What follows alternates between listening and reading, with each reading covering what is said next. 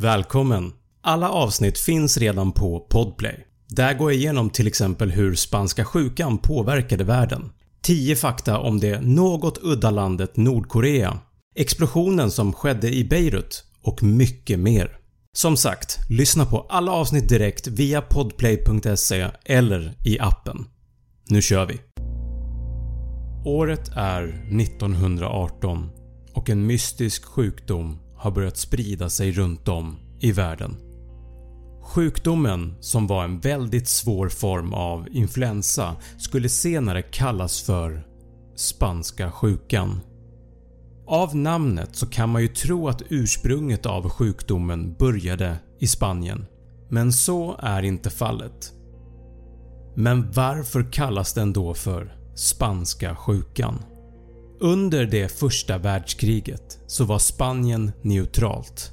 Det innebär i korthet att landet inte stödjer någon av sidorna i en väpnad konflikt.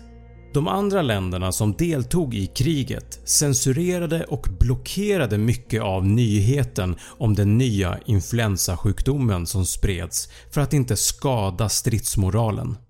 Men i Spanien rådde ingen censur så nyheten om sjukdomen spreds snabbt inom landet i tidningarna och sen ut i resten av världen och därav blev sjukdomen känd som “spanska sjukan”.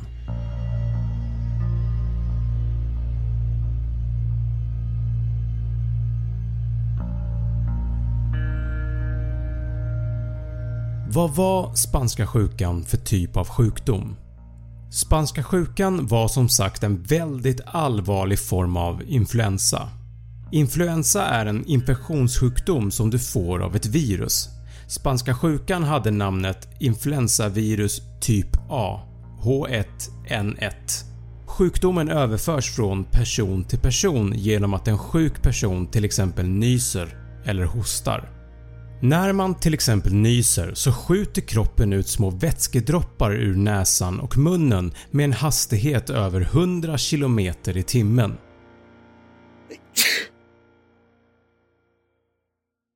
Stora droppar färdas kortare medan små droppar färdas längre.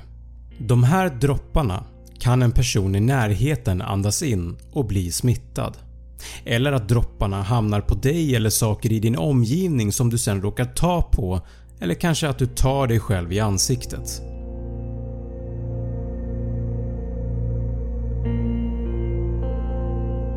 Att bli smittad av spanska sjukan började med typiska influensasymptom som att man känner sig sjuk och matt, ont i musklerna, hög feber, huvudvärk, ont i halsen, torrhosta och även minskad matlust är vanligt. Det här kunde sen utveckla sig till bland annat bakteriell lunginflammation, lungödem som är vätska inne i lungorna och blödningar i lungvävnaden. En annan sak som gjorde spanska sjukan unikt från en vanlig influensa var att den drabbade så otroligt många unga vuxna mellan 20 till 40 år. I normala fall är det oftast äldre som drabbas hårdast av en influensa men i det här fallet så var det annorlunda. Och det här förbryllade forskarna. Hur kan en ung person med ett starkt immunförsvar löpa en större risk att dö av spanska sjukan än en gammal person med ett sämre immunförsvar?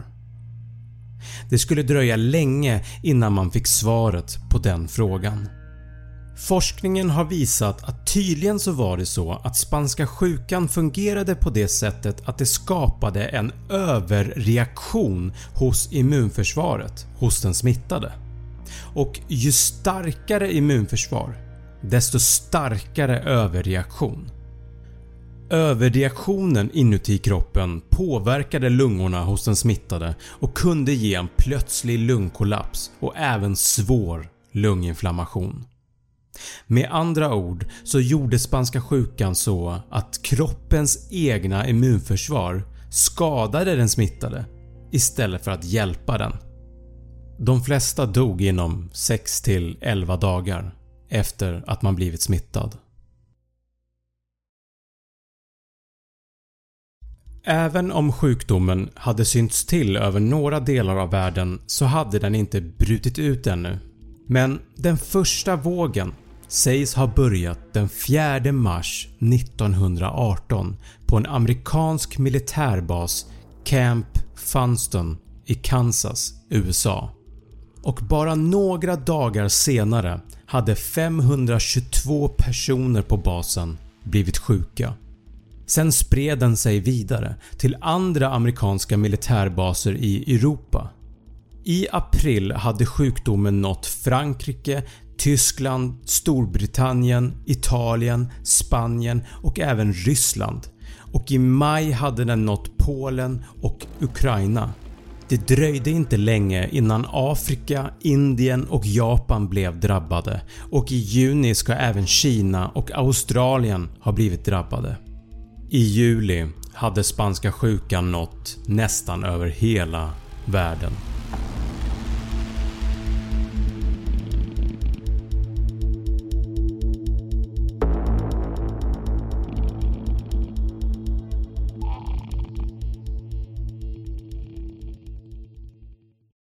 Den första vågen var mild men den spred sig ändå snabbt på grund av stora truppförflyttningar av soldater under det första världskriget.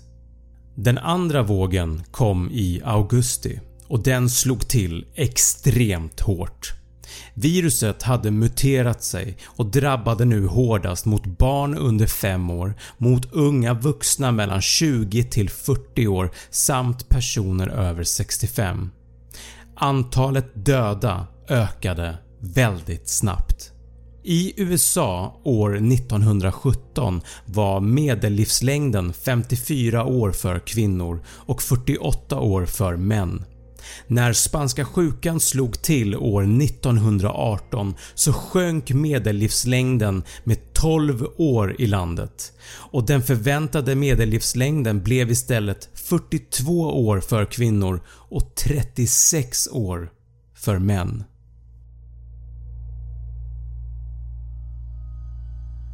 Det fanns inga läkemedel för att behandla viruset. Det fanns ingen antibiotika för att behandla de sekundära bakterieinfektionerna. Det fanns inget vaccin. Spanska sjukan spred sig nu ännu snabbare än tidigare och läkarna visste inte vad de skulle göra. Man uppmanade folk att hålla avstånd, man stängde ner skolor, bibliotek, teatrar, man förbjöd stora folksamlingar och man uppmanade att folk som blev smittade att isolera sig och sitta i karantän.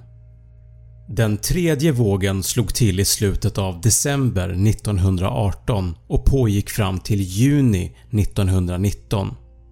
Även en fjärde våg slog till under 1920.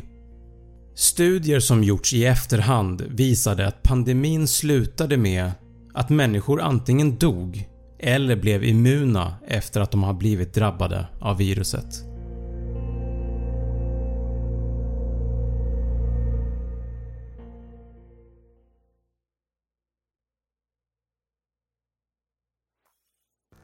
Och då kan man fråga sig hur många som dog. I Sverige dog cirka 34 000 människor. I Finland cirka 20 000. Storbritannien 250 000 döda. Frankrike 240 000 döda. I hela Europa dog 2 300 600 människor.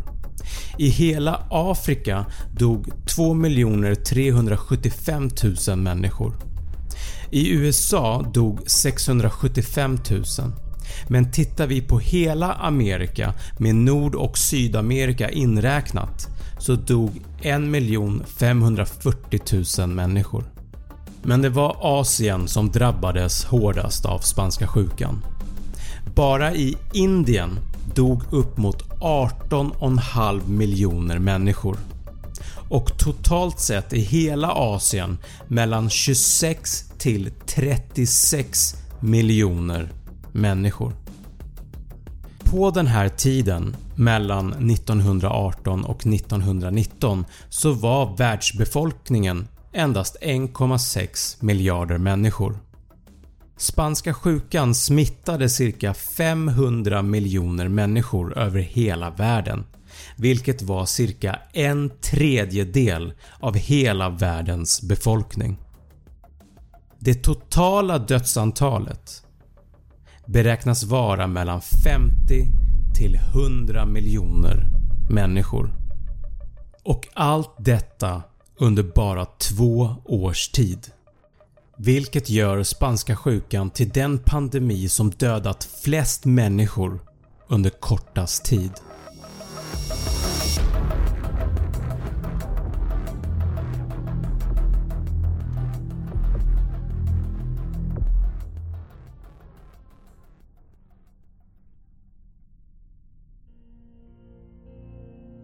Spanska sjukan försvann aldrig helt och hållet. Den finns fortfarande kvar idag men de flesta är nu immuna mot viruset. Själva virusstammen H1N1 som orsakade pandemin finns kvar som säsongsinfluensa. Men då och då så har direkta avkomlingar från spanska sjukan viruset slagit till igen med en kombination av till exempel en fågelinfluensa eller svininfluensa och skapat nya kraftfulla pandemier. Alla de senare influensautbrotten, som alla är delvis skapade av spanska sjukan, har dödat ytterligare miljontals människor vilket är exakt vad som hände år 1957 med asiaten som dödade 1,1 miljoner 1968 med Hongkong-influensan som dödade 1-4 miljoner människor och 2009 med svininfluensan som dödade 285 000 människor. Det här har gett spanska sjukan det otäcka smeknamnet “Alla pandemiers moder”.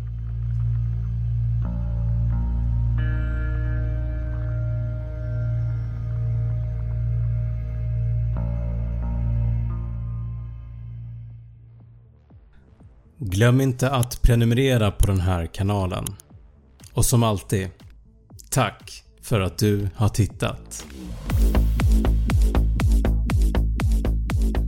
Tack för att du har lyssnat på det här avsnittet. Alla avsnitt finns att lyssna på via podplay.se eller i appen. Glöm inte att prenumerera på min YouTube-kanal Snabbfakta och på Instagram heter jag snabb.fakta. Nästa avsnitt kommer att handla om världens största luftskepp Hindenburg som var en zeppelinare och som existerade år 1937. Skeppet exploderade en dag framför hundratals åskådare. Så missa inte det.